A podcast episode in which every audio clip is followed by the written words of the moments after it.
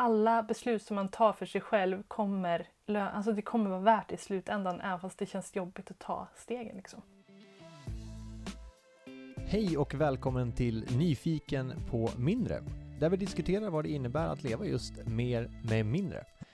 Jag vet inte vad som har hänt de två senaste veckorna, men det har verkligen rasat in nya personer in i vår Nyfiken på mindre-grupp på Facebook, vilket är jätteroligt. Nu är vi 550 personer ungefär. Så den gruppen växer och växer för varje dag. Så vill du gå med i den och hänga med lite på eftersnacket av den här podden så har jag länkat den i eh, beskrivningen till det här avsnittet.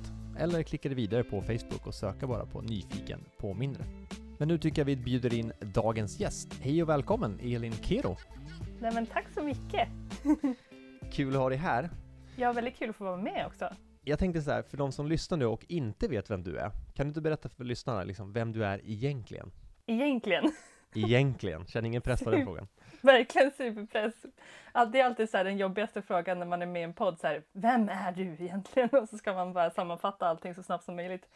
Um, nej men eh, jag, ja, jag heter Elin Kero då. Jag eh, är 32 år och jag eh, bor i en liten röd stuga på landet utanför Örebro. Och jag har precis flyttat från Stockholm där jag bott i fem år men så har jag då för ett halvår sedan så flyttade vi därifrån för att jag fick panik. Och eh, jag driver eget inom foto så att jag... Eh, det är alltid så svårt att förklara vad det är man gör för att jag gör ju miljoner olika saker. Men jag brukar säga till de flesta när man frågar så här IRL så brukar jag säga att jag är fotograf. Och, för det är liksom enklast och eh, ja, men, greppa vad det är för någonting. Men eh, om man ska gå in på det djupare så brukar jag säga att eh, jag fotar, jag är utbildad retuschör, jag eh, gör utbildningar inom foto och redigering. Jag eh, säljer prints, jag föreläser, jag har, en, eh, jag har mina sociala medier som jag jobbar med också och egentligen allting som rör foto som jag tycker är kul vill jag jobba med. En stor jäkla lista, kul! Ja, har säkert glömt någonting också själv. ja, antagligen. Men det är det här som också är roligt med att driva eget tycker jag, just det här med att det kan vara precis vad man vill. Det behöver inte vara liksom att man sitter i en speciell mall. Det är klart att du har en nisch i det du gör, och foto, redigering och det här. Men du kan fortfarande föreläsa om det, du kan vara med i poddar om det, du kan eh, fakturera kunder för att coacha dem. Eh, det är liksom så himla brett spektra. Precis, det är det som jag älskar absolut mest för att jag blir så himla lätt uttråkad om jag gör samma sak hela tiden.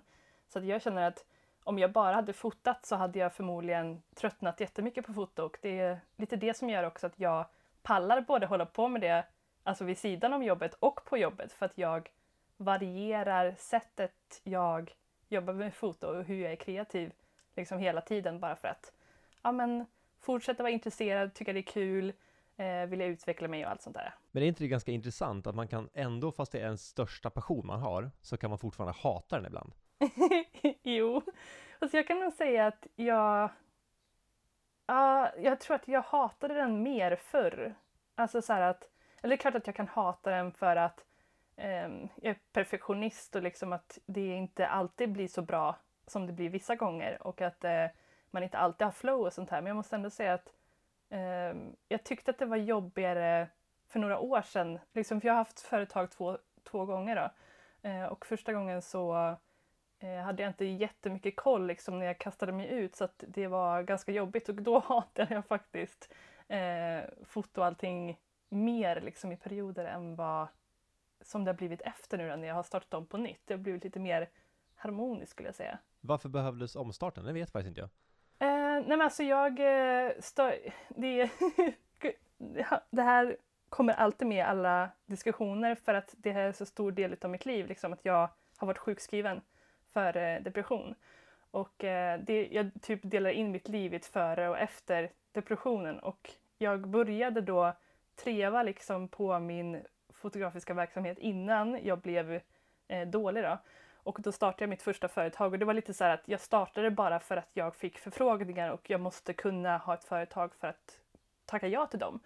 Och jag hade inte tänkt så mycket på vad det var jag faktiskt ville göra, vad jag ville jobba med, hur jag ville driva företaget, hur man gör eller någonting. Så att det blev lite så här um, panik där. Um, lite för mycket på en gång, visste inte hur jag skulle liksom hantera allting och så var jag tvungen att stänga ner då för att jag blev sjuk och sjukskriven och för att jag kände att jag inte hade kontrollen som jag behövde för att kunna göra ett bra jobb och sådär. Um, ehm, men eh, sen när jag kom ut på andra sidan så blev det så himla mycket bättre då för då hade jag mer hunnit fundera över vad det är jag vill göra, hur jag... Ja, men alltså jag hade lite mer erfarenhet också hur det är att faktiskt driva företag eh, vid sidan om liksom att bara göra själva eh, uppdragen så att säga. Så att jag kände mig mycket mer förberedd och så här, eh, hade mer ett mål. Så att det, ja, så var det. Det är så häftigt att se det så här, som ett före och ett efter som du snackade om. Men hade det också med den här depressionen, om jag får fråga om den? Ja, absolut. Hade den också att göra med den här stressen som du nämnde i början i Stockholm? Eller det är något helt Nej, annat? jag eh, var faktiskt, det var, jag bodde i Jönköping då, så det var 2011, 2012, 2013 där som eh, det var som absolut tuffast. Jag startade mitt första företag 2010, så att jag, eh, det är ett par år sedan nu. Och det var väl mer att, Ehm, ja, men alltså att jag levde mitt liv lite utefter hur det borde vara snarare än vad jag kände att jag ville. Så att det blev lite för mycket på alla plan. Så att jag jobbade med saker som ja, men, typ i praktik, alltså så här, jag hade alltid drömt om att jag ville bli fotograf och jag jobbade ju delvis som fotograf. Dels så hade jag en eh, fast anställning och sen så hade jag mitt egna företag på sidan. Och jag jobbade ju i mitt egna som fotograf men det var inte så... Jag fick inte den känslan av det som jag hade trott att jag skulle få. Liksom att jag trodde ju att jag skulle känna att wow, åh, nu jobbar jag som fotograf, gud vad härligt och allting kommer vara frid och fröjd. Men sanningen var ju att jag tog uppdrag bara för att det här är vad fotografer gör. Och nu gör jag det. Fast det var inte så kul som jag trodde. Men tror inte otroligt många känner igen sig där? Att man gör det man, alltså inom citationstecken, borde göra? Men hur kom du ifrån det då? Ja men det var att jag blev sjuk helt enkelt. Att jag märkte att det var inte bra för mig. Dels då att, ja, men för, först så tänkte jag bara att det är väl så här det är. Det kanske inte var så bra som jag hade trott. Um, men det är väl bara att tugga på det om det var det här jag ville, tänkte jag först. Men eh, sen så började jag ju må sämre och sämre och eh, ja, men med allting vad en depression innebär, att man tappar fokus och man har svårt att liksom gå upp på morgonen och det finns inget som är kul längre och massa sådana grejer. Hur mycket som helst. Men, eh, så när jag då blev sjukskriven och stängde ner mitt företag och slutade egentligen fota en ganska lång period så hann jag tänka ganska mycket. Och då insåg jag ju att man kan ju faktiskt göra, alltså man måste inte göra de traditionella liksom, jobben som är kopplade till foto utan man kan ju faktiskt välja själv. Eh, och när jag gjorde det så blev det ju väldigt mycket roligare. Då blev det en helt annan grej så att det är nog därför också så att, som eh, det har blivit mer av en harmoni nu eh, med fotograferandet. Att jag känner hela tiden att jag gör val för mig själv och att jag gör det som jag tycker är kul och jag tycker om att vakna på morgonen och få, få sätta igång med det som jag tycker är roligt att göra och att det är mitt jobb. Det, är liksom, det går inte att, att hata det.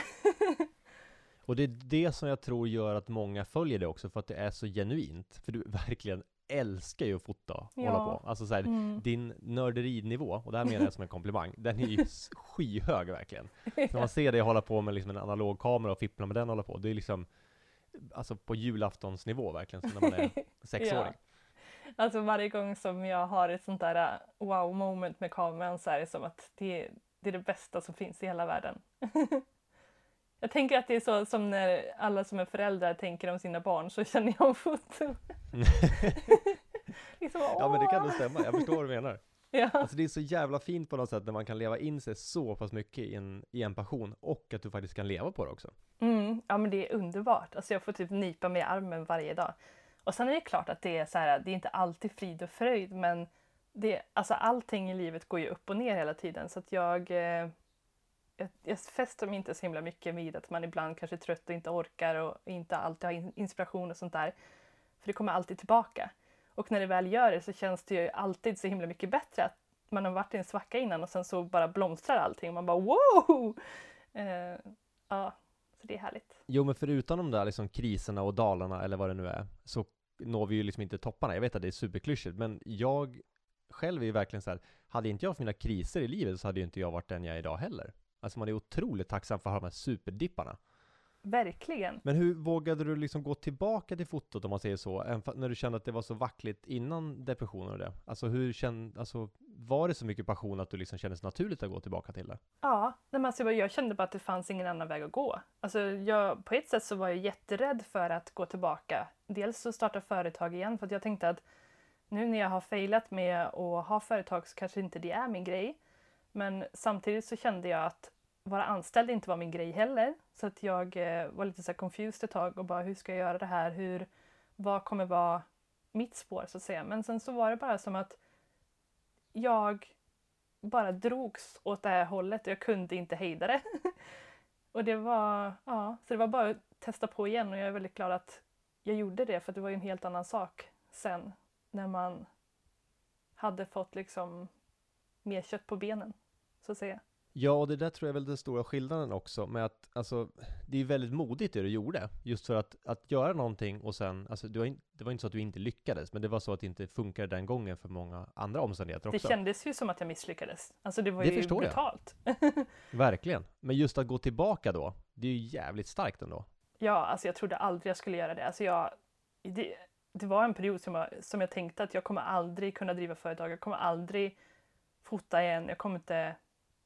Det var så himla starkt. Men sen så som sagt, det, jag var livrädd men samtidigt som sagt det fanns ju ingen, det fanns inget alternativ.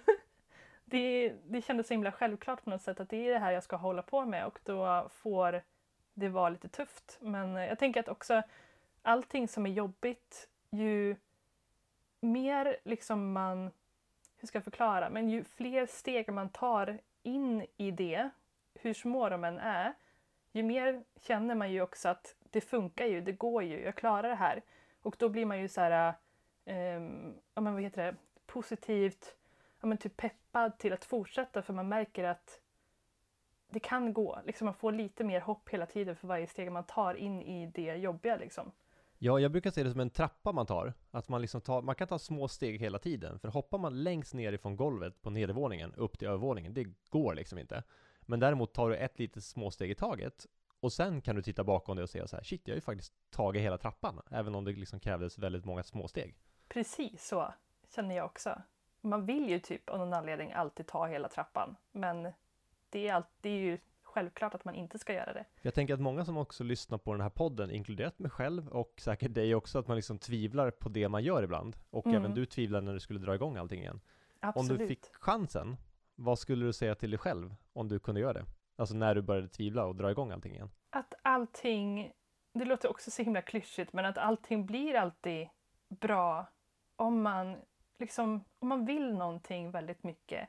Även fast man är rädd och man är osäker och allting, så kommer bara ens vilja och passion göra så att det blir bra oavsett. Alltså jag kan inte känna att någonting jag har gjort har blivit dåligt egentligen. Det är klart att vissa saker har blivit mer bra och andra kanske mindre bra, men det har alltid blivit bättre än vad jag har förväntat mig. Och också... Um, men så att jag har aldrig ångrat någonting jag har gjort heller. Liksom val man har tagit och sånt där. Att, eh, man är alltid så här osäker om det är rätt beslut och såna här saker. Men det, jag har aldrig ångrat ett beslut jag har tagit i något avseende. Sen kan ju någonting ha förändrats. Liksom ett beslut eller ett steg kan ju ha förändrats under tiden man har tagit det. Men då har man ju fortfarande tagit det men man har kanske tweakat det lite om du är med på vad jag menar. Ja, absolut, jag är helt med. Men ska vi gå tillbaka lite, några månader blir det helt enkelt. För ni flyttade ifrån Stockholm ut till utanför Örebro. Precis. Hur och varför gjorde ni den resan? Nej, men alltså, det började väl med att Eh, min sambo är ju från Stockholm och han är född och uppvuxen utanför Stockholm, inte mitt i Stockholm men i alla fall ehm, förort. Och ehm, han hade väl plan egentligen på att han skulle flytta till innerstan när han träffade mig. Så att jag var ju lite orolig, jag bara shit, alltså jag flyttade ju, för att jag är från Skara, eh, jätteliten stad och ville från början göra det liksom alla andra gör. Liksom. Man vill klättra, man vill upp, man vill till något större, vidare sådär. Så jag flyttade till Jönköping, bodde där i, eh, vad blir det, sex och ett halvt, sju år eller någonting. Och sen eh, hände hela den här depressionsgrejen och jag kände att jag behövde miljöombyte och göra någonting annat. Så att jag eh, flyttade till Stockholm utav den anledningen och började plugga på fotoskolan där. Och eh, jag hade egentligen sagt innan att jag aldrig någonsin i hela mitt liv skulle flytta till Stockholm och ändå så flyttade jag dit. Jag känner Men, igen det där eh, kan jag säga. ja, för jag blev förvånad över att du också har bott i Stockholm. Jag visste faktiskt inte det.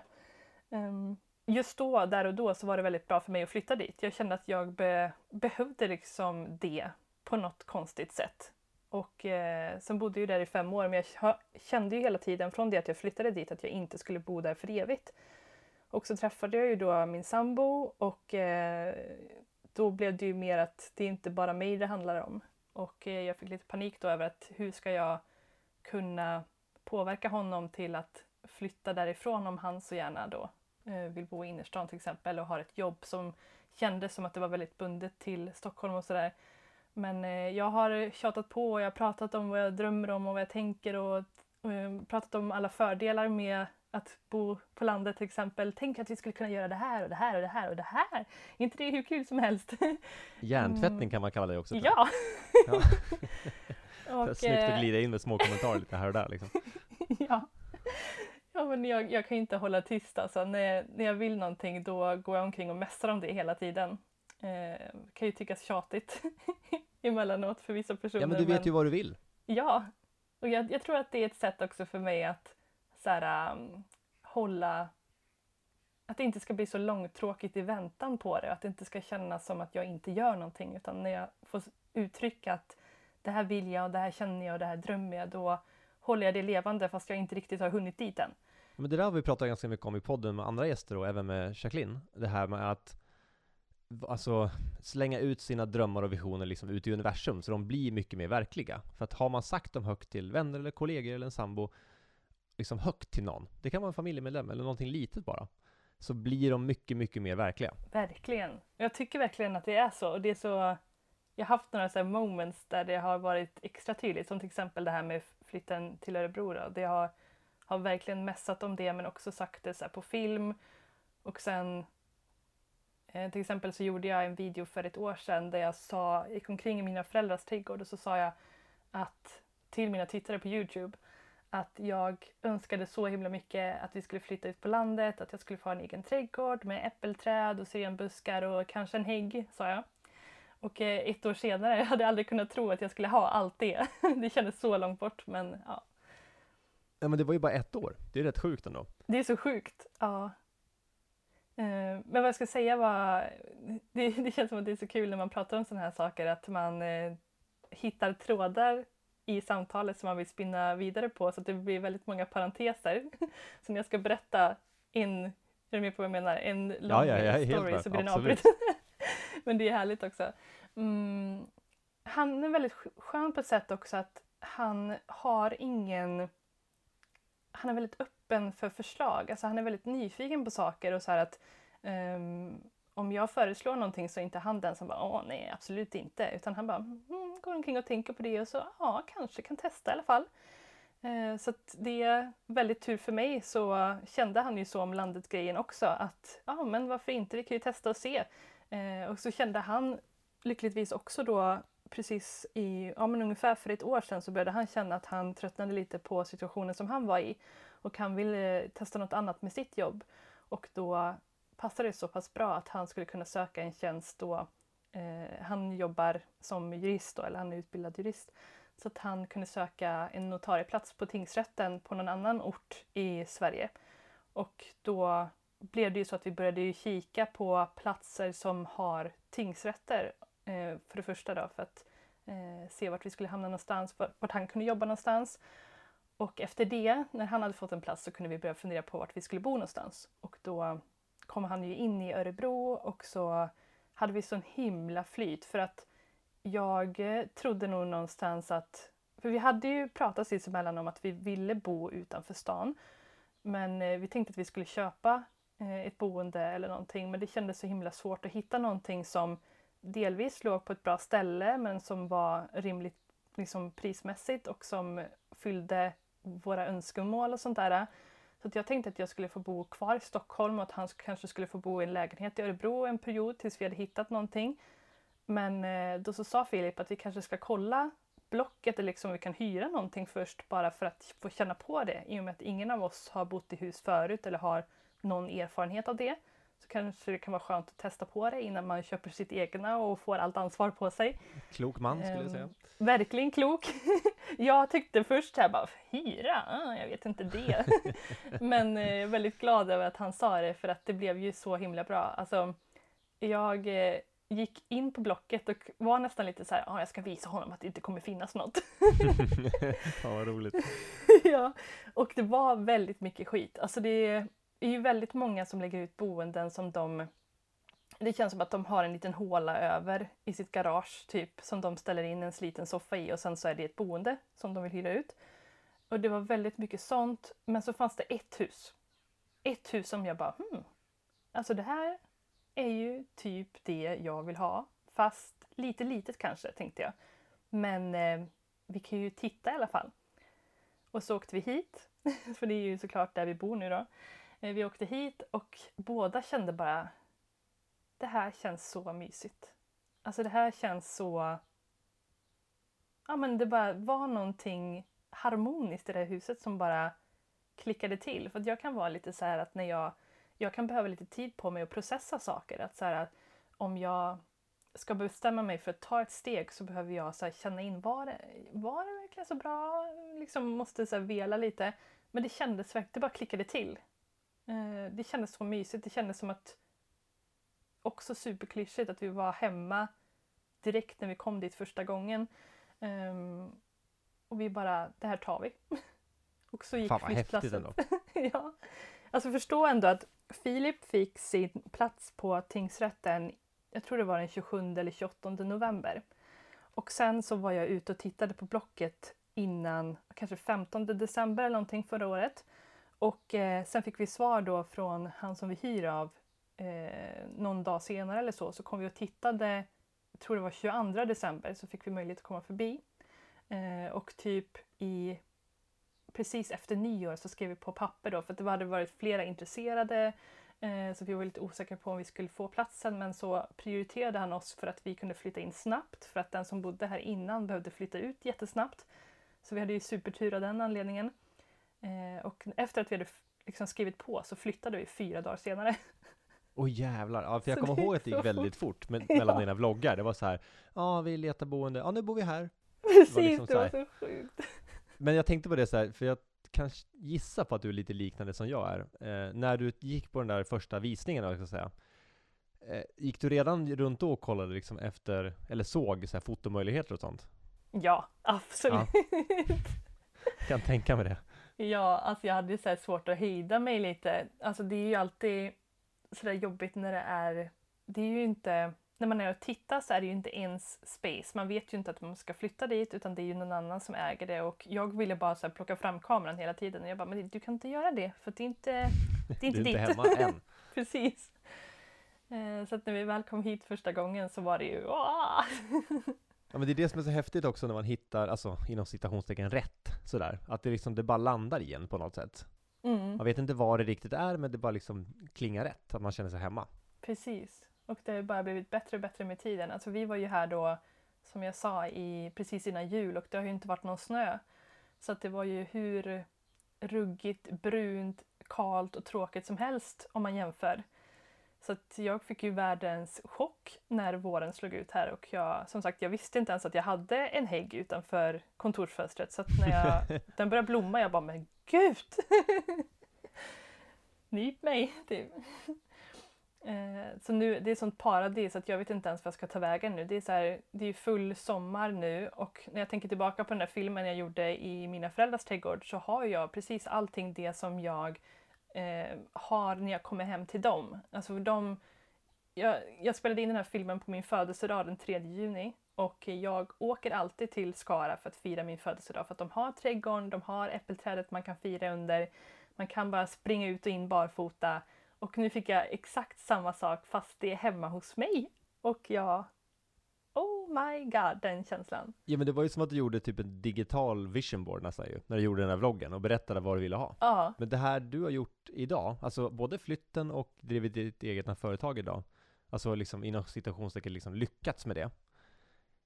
Det tror jag är många som går runt och tänker på att de också vill göra. Allt från att flytta eller göra någonting eget och driva eget sådär. Men vad är du vad tror du är det gör som att folk inte vågar ta det steget? Jag tänker att det är för att man tror att det ska vara så komplicerat, att det ska vara så jobbigt, stort, långt bort, att det är så mycket tvivel, att, ja, men att det ska vara svårt helt enkelt. Medan Är det det? jag tycker ju inte att det är det. Alltså, jag tycker ju också att det känns så innan. Det ska ju inte sticka under stol men ehm, det känns ju som jag tycker inte att det är så himla svårt. Det känns som att när man pratar om det hela tiden så som jag har nämnt att jag har gjort, att man eh, tar små steg hela tiden för varje ord man säger, att man vill någonting och hux flux så är man ju där. Eh, jag tänker att jag har gjort det många gånger. Till exempel så för ungefär Eh, ett och ett halvt år sedan, kanske tror jag, så skrev jag ut en lapp som jag satte in i en ram och hängde upp på väggen vid mitt skrivbord där det stod att jag ville sluta jobba, eller inte sluta, men att jag ville jobba så lite som möjligt med eh, uppdrag för andra och jag ville jobba mer med mina egna projekt. Jag ville sluta resa jobbet. Jag ville utgå från mitt hem, mitt kontor, liksom att ha mitt företag där och inte så mycket överallt annat. Och eh, efter det, jag kände ju så här när jag hade skrivit den lappen att jag inte gjorde någonting speciellt. Men eh, in, det blev ju liksom så att i och med att jag hade det uppskrivet och framför mig så tog jag ju också beslut som gynnade den lappen. Alltså här, så fort som jag fick en förfrågan om att jag eh, kanske skulle hålla en föreläsning någonstans så kände jag, åh vad roligt, vad spännande, jag vill tacka ja, fast nej, det passar inte. Det var, jag har ju skrivit här precis framför mig att jag inte ska göra det här, så att nej, tacka nej. och eh, på den vägen så blev det ju bara så att jag eh, började jobba mer efter vad min lapp sa och ett år senare så hade jag ju bara gjort ett fotouppdrag och allt annat var eh, jag hade också gjort kanske två föreläsningar men allt annat var på hemmaplan och jag började göra online, mina onlinekurser och eh, nu så jobbar jag i princip bara hemifrån med bara det. Och det gick så snabbt och jag fattar inte vad som hände. Ja, det där är så jävla häftigt tycker jag. Men om du skulle sätta upp en ny lapp idag då, vad skulle du stå på den? Den är faktiskt svår för att just nu så känner jag att jag är väldigt tillfreds med hur det är nu. Så att jag lever lite nu i... Jag, jag känner att jag har uppfyllt många lappar på senaste tiden. så att jag vill bara vara i det här ögonblicket. Så att jag har faktiskt ingenting speciellt här nu som, som är så starkt. Som till exempel det här med att flytta till landet eller att jobba mer hemifrån och sånt här. Utan jag eh, trivs väldigt bra i nuet. Det kanske är det det ska stå på lappen då? Att jag är så jävla nöjd med hur jag har det just nu. Sant! Jag borde faktiskt efter att vi har lagt på här skriva ut en lapp, eller skriva för hand. Jag är så nöjd nu. Sätt upp. Precis, exakt. För att liksom njuta av momentumet också, liksom att liksom det är hit jag har faktiskt tagit mig. Inte bara sträva efter nästa grej hela tiden. Det är en så bra idé. Jag fick typ rysningar när du, när du sa det nu. Det är så fint ju. Ja, men det är det. Man ska verkligen uppskatta det. Så att, men det här låter ju väldigt fantastiskt och det är det ju också med driva eget och flytten och allting det här. Vad skulle du säga är det svåraste med det du gör idag? Det är ju mycket också. Jag tänker att jag, eh, när jag pratar också i mina sociala medier, att jag kan låta lite som att det, jag lever världens bästa liv, att jag, eh, allting är underbart och det kan ju också bli fel. Alltså det kan ju verka, det- ja, men det kan upplevas som att allting bara ska vara 100% bra hela tiden, men så är det ju absolut inte. Även om jag gärna vill fokusera på det liksom personligen på grund av att jag mår bättre då. Eh, men det är ju liksom det som kan vara svårt är att dels att man är orolig över det ekonomiska. Att nu har det på ett sätt blivit bättre för att jag har ändrat arbetsstil lite.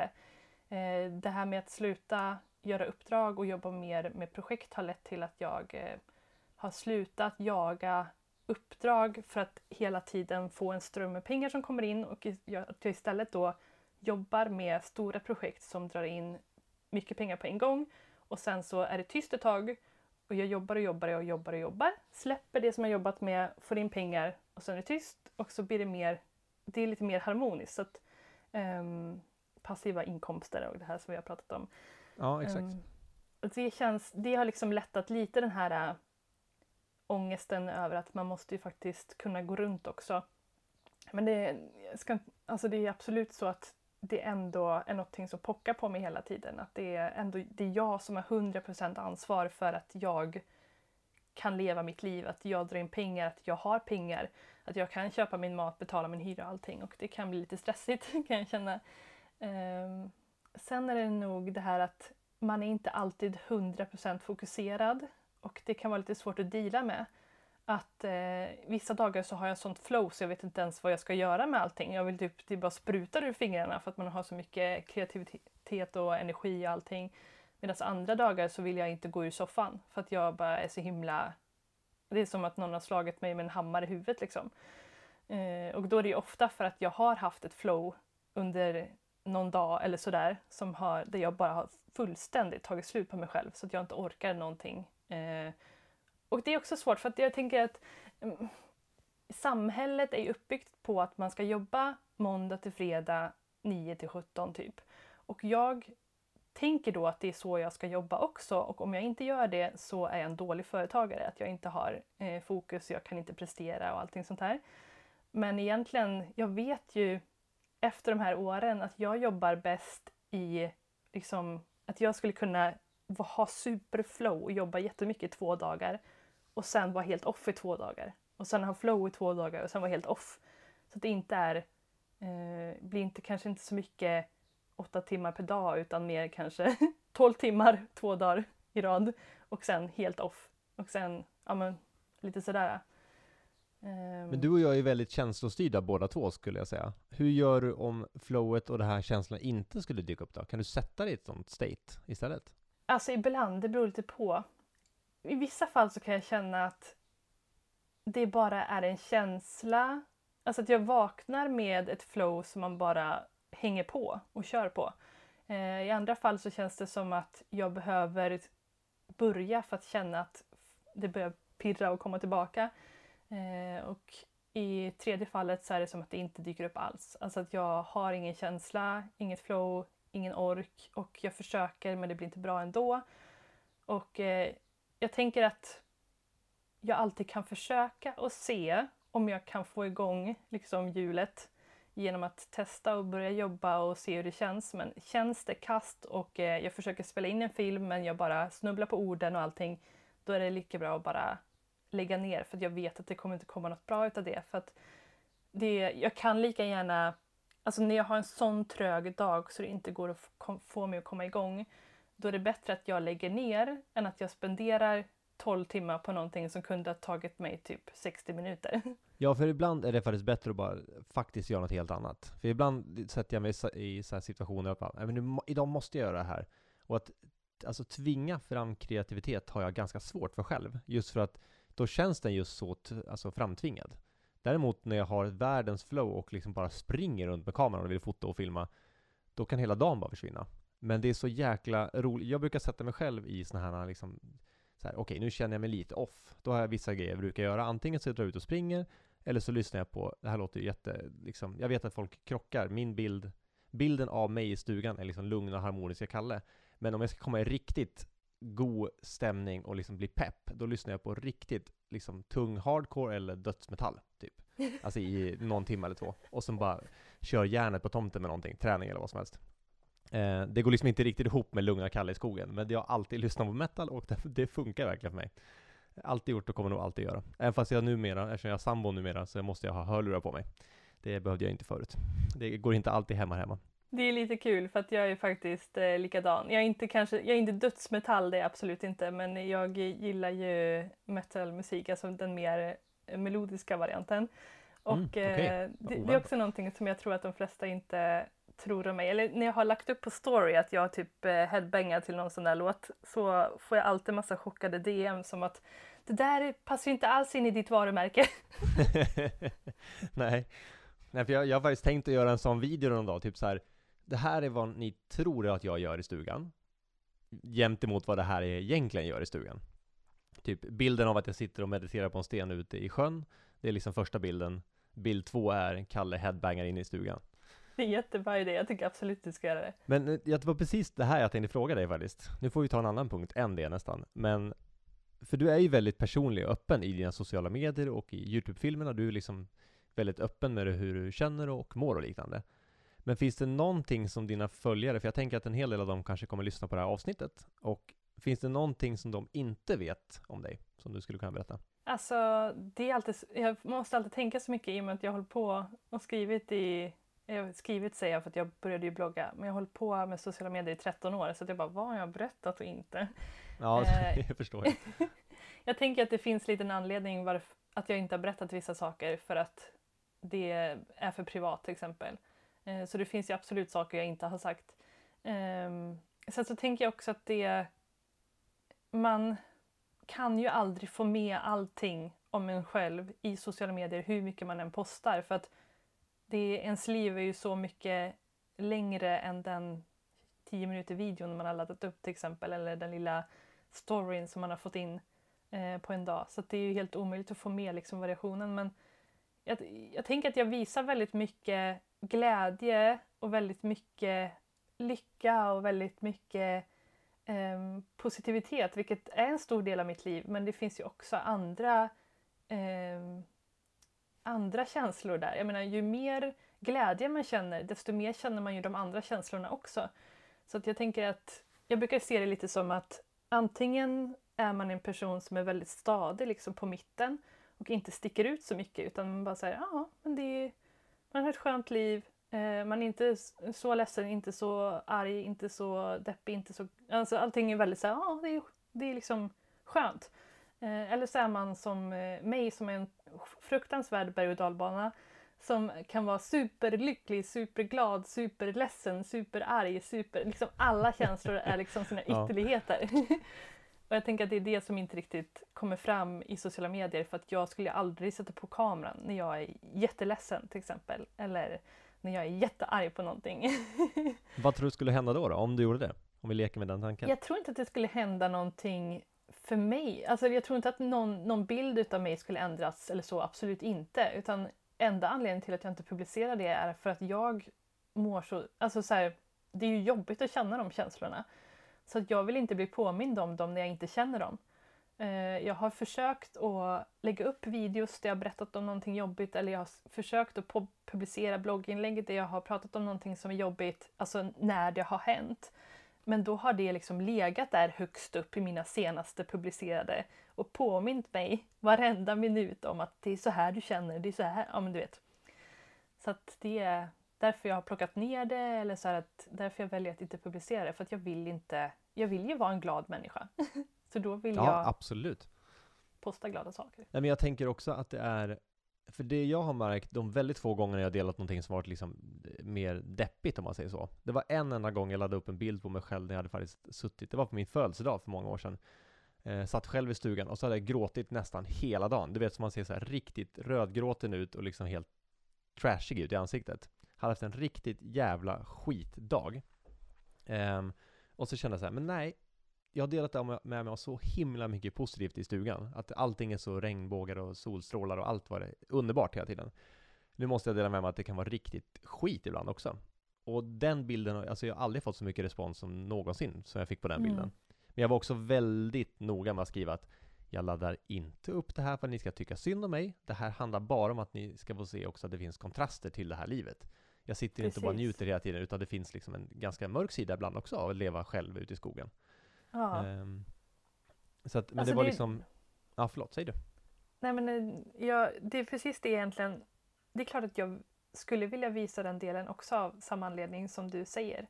Men det är lite läskigt också, eller hur? Det är skitläskigt. Det är jätte, jätteläskigt. För det blir så himla skört. Ja, det är så himla... Nej, ja, men I och med att det är en sida som man inte visar... För jag, för jag tänker också att eh, i min ton i sociala medier så vill jag gärna... Alltså jag känner att jag kan prata om allting med mina följare som jag kan prata med till en nära vän. Alltså kanske inte min bästa vän, men en nära vän i alla fall. Och då... Eller ja, nä, ja men liksom så här, inte en bekant, men en vän som man gillar att hänga med. Och då kanske man inte det kanske inte är den vännen som man liksom skriker ut sina orättvisor till utan att man ändå, när man hänger så fokuserar man på att ha trevligt och liksom inspirera varandra och så här. Um, alltså om man aldrig någonsin visar den sidan av sig själv till en person, alltså om man då ska göra det för typ första gången, oavsett om det är ens följare eller om det är den där vännen, det blir så himla, oj, dels då, oj vad hände nu? Eh, nummer två, shit nu fick jag se, nu kommer jag in djupare vilket gör att det blir mer intimt och allt det där tillsammans tycker jag att det, det är lite jobbigt. ehm, också att det känns som att jag kan ibland känna att även fast jag känner starka känslor och kan vara jätteledsen över någonting så tar jag inte alltid det på så stort allvar. Att, så här, att nu känner jag så här, men det kommer gå över. Men om jag postar det i sociala medier det blir så men gud Elin vad har hänt? Åh nej, nu mår, alltså, nu mår hon skitdåligt hela tiden. Typ så. Medan jag, jag vill ju visa det bara för att just nu kände jag så. Men om tre timmar är jag glad igen. ja, exakt. För både du och jag är ganska lika där tror jag. Att morgonen kanske start, startar jättebra och sen har man en jättedipp i lunch och sen vid middag är det jättebra igen. Precis. Att det går så himla, man blir helt schizofren nästan. ja. Det, det, är så, det, det är svårt att liksom förmedla den bilden av att det inte är, alltså känslorna inte är konstanta i och med att man inte kan filma 24 timmar om dygnet och så att, ehm, Men det är lite kul ändå att det, att det kan vara så. Att man kan, en dag kan innehålla så himla många känslor. Ja, för det hade jag en ganska stor liksom så här, eh, upplevelse, eller vad ska man säga? Um, upp, um, jag hade en ganska stor uppenbarelse när jag snackade med en av dem jag brukar basta med här i, i byn. Han är en ganska bitter gubbe, skulle jag vilja enkelt kortfatta det som. Eh, men då brukar jag alltid fråga, ja men hur är läget? Och han säger, ja men det är precis som vanligt. Alltså han har liksom en total platt kurva när det kommer till hans känslor. Han, han bara, men jag känner inget hopp, jag känner ingen dal, det är perfekt, jag vet vad jag ska förvänta mig. Och jag bara, åh fy fan vad tråkigt. Alltså jag känner samma sak hela tiden. Alltså, det hade jag aldrig pallat tror jag. Inte jag heller. Alltså jag vet inte, jag, jag, tänker ofta på det när jag är superledsen och supernere att det är värt det för att jag får känna sån extrem glädje också. ja, för den lyckan vi känner kanske inte han kommer upp i, för att han Precis. har inte varit nere i den här dalen heller. Mm. Jag tänker det också. Men de är lyckligt ovetande om den här karusellen som gömmer sig bakom. ja, ja, verkligen. Men de, om du skulle ge något tips till de som lyssnar då? För de som är i den här karusellen eller tvivlandet och vill ta tag i kanske en fotogrej eller börja skriva en bok eller flytta ut på landet eller någonting. Har du något konkret tips? Ja men såklart först att man måste bara älta det för sig själv hela tiden och för alla andra i sin omgivning. Att man ska skriva lappar och sätta upp på väggen och eh, skriva ut i sociala medier och allt man kan komma på bara för att göra det mer verkligt. För det jag tycker att det handlar om det att Eh, när man bara har det som en tanke i sitt huvud då är det som någonting som, ja ah, det hade varit kul. Som inte känns som att det är på riktigt. Men sen så när man pratar om det, skriver om det, eh, diskuterar det så blir det ju, alltså det här är på riktigt, det här är mitt liv, det här är min önskan. Eh, så det tycker jag absolut att man ska göra först och främst. Och jag vet ju att alla tjatar om att man ska göra det, men man ska verkligen göra det. eh, och därefter att ta små steg för att nå fram. För att ofta de här sakerna som är jobbiga att ta sig an är ju för att de är så himla stora projekt och man gör dem ännu större i huvudet för man tänker så mycket. Alltså min kurs har ju varit det till exempel, att jag eh, började tänka på den typ 2011, 2012 och eh, har velat göra den sedan dess. Men det tog till 2019 innan jag faktiskt gjorde den och insåg att det är ju faktiskt det bästa jag kan göra att bara börja. Istället för att tänka på oh my god vad avsnitt jag ska filma. Eh, så att så här, ta små steg hela tiden. Ja, men så här, om man nu vill flytta till landet, liksom, var, vart i Sverige vill du bo? Vad för typ av hus? Kika runt, vad finns det för någonting? Vad finns det för möjligheter? Eh, finns det att hyra? Finns det att köpa? Vad kostar det? Vad behöver jag för att kunna göra flytten? Vad behöver jag liksom praktiskt genomföra för att det ska bli möjligt? Jag tänker så här, Eh, för oss så var det ju så att Filip behövde ha ett jobb eh, som, och vi behövde bo på ett ställe som var kopplat till hans jobb. Så att det var ju nummer ett, typ det här måste vi lösa för att drömmen ska bli verklighet. Och eh, Att man listar saker. Det här, eh, jag tänker både det som är klart och det som är färdigt och det som man behöver jobba på. Att man kan lista dem så att man kan se att de här grejerna är eh, liksom i linje med det jag ska göra nu. Det här är superbra, det här har jag redan som gör att det underlättar för mig att ta den här bilden, genomföra det projektet, ta den här flytten eller vad det nu kan vara.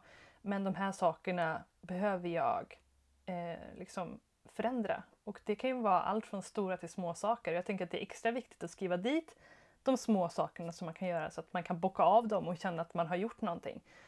Eh, så det tänker jag är punkt ett och två. Och nummer tre är bara att så här, allting känns läskigt när man ska göra någonting annorlunda. Det kvittar vad det är eller hur bra det är. Alltså jag tycker att det var läskigt att flytta hit fast det är det mest självklara stället för mig att bo på och det passar mig så himla bra. Men det var ändå svårt att lämna lägenheten i Stockholm, vilket är så konstigt egentligen. Jag hatar Stockholm, nej jag hatar inte Stockholm, men jag hatar liksom trafiken, att det är så mycket folk, att alla är så stressade, att jag, jag påverkas så mycket av allting. Just de känslorna hatar jag, men samtidigt var det ändå så mycket som jag älskade med Stockholm också. Liksom vår lägenhet, eh, sjön som jag kunde bada i på kvällen, att min syster bor i samma stad. Eh, och det var så svårt att släppa de grejerna men alla beslut som man tar för sig själv kommer, alltså det kommer vara värt det i slutändan även fast det känns jobbigt att ta stegen. Liksom. Väldigt kloka ord. Sen brukar jag också lägga till att när man tänker på sin idé man vill göra, oavsett om det är att starta en onlinekurs eller flytta någonstans, att så här, om man tänker den högt och tänker samtidigt så här, okej, okay, vad är det värsta som skulle kunna hända om jag provar det här? Ja, det är kanske att jag inte trivs i stugan, eller i huset, eller var man nu flyttar, och då flyttar man tillbaka. Eller om inte onlinekursen då, man kanske inte ens blir klar med den. Ja, men då har jag i alla fall provat. Om det är värsta scenariot, då är inte det så himla farligt, tänker jag. Precis. Alltså det är inte så farligt att misslyckas. Jag skrev faktiskt en lista också på grejer som jag hade totalfailat med. Ja, vad bra. Och jag ångrar inget av dem. Nej men du ser, exakt. Det var kanske lite jobbigt där och då. Eh, men eh, till exempel, jag måste bara... Till exempel så har jag hållit en föreläsning som eh, gick helt åt skogen för att jag var så nervös. Och det var sant? Så okay. för, jag skulle föreläsa för Google Eh, och jag bara, oh Google, oh my god, jag måste göra bra ifrån mig. Och så var det en till tjej som skulle föreläsa samtidigt. Och hon var ju superpro och hon jobbar i TV nu med och liksom, hon är TV-kock. Eh, och hon bara pratar hur bra och avslappnad som helst och engagerar alla som är där och jag står där som den stelaste pinnen, vet inte vad jag ska säga, glömmer allt jag vill säga, allt jag kan och bara uh, vet inte ens hur jag ska säga, liksom presentera mig själv. Eh, och det var verkligen en mardröm men Eh, det var typ det värsta som kunde hända mig liksom där och då, men jag överlevde ju. Så att... Det är inte så farligt helt enkelt. Även om det känns vidrigt där just i stunden säkert. Precis, verkligen så. Och man måste ju faktiskt kunna, man måste ju misslyckas för att veta hur man ska göra rätt. Ja, och alla de här misstagen har ju liksom bildat Elin till den version du är idag. Precis. Vem hade man varit utan dem? Jag tänker så här, jag menar, genom att göra fel när man fotar och filmar och allting sånt också så lär man ju sig hur man ska göra rätt med.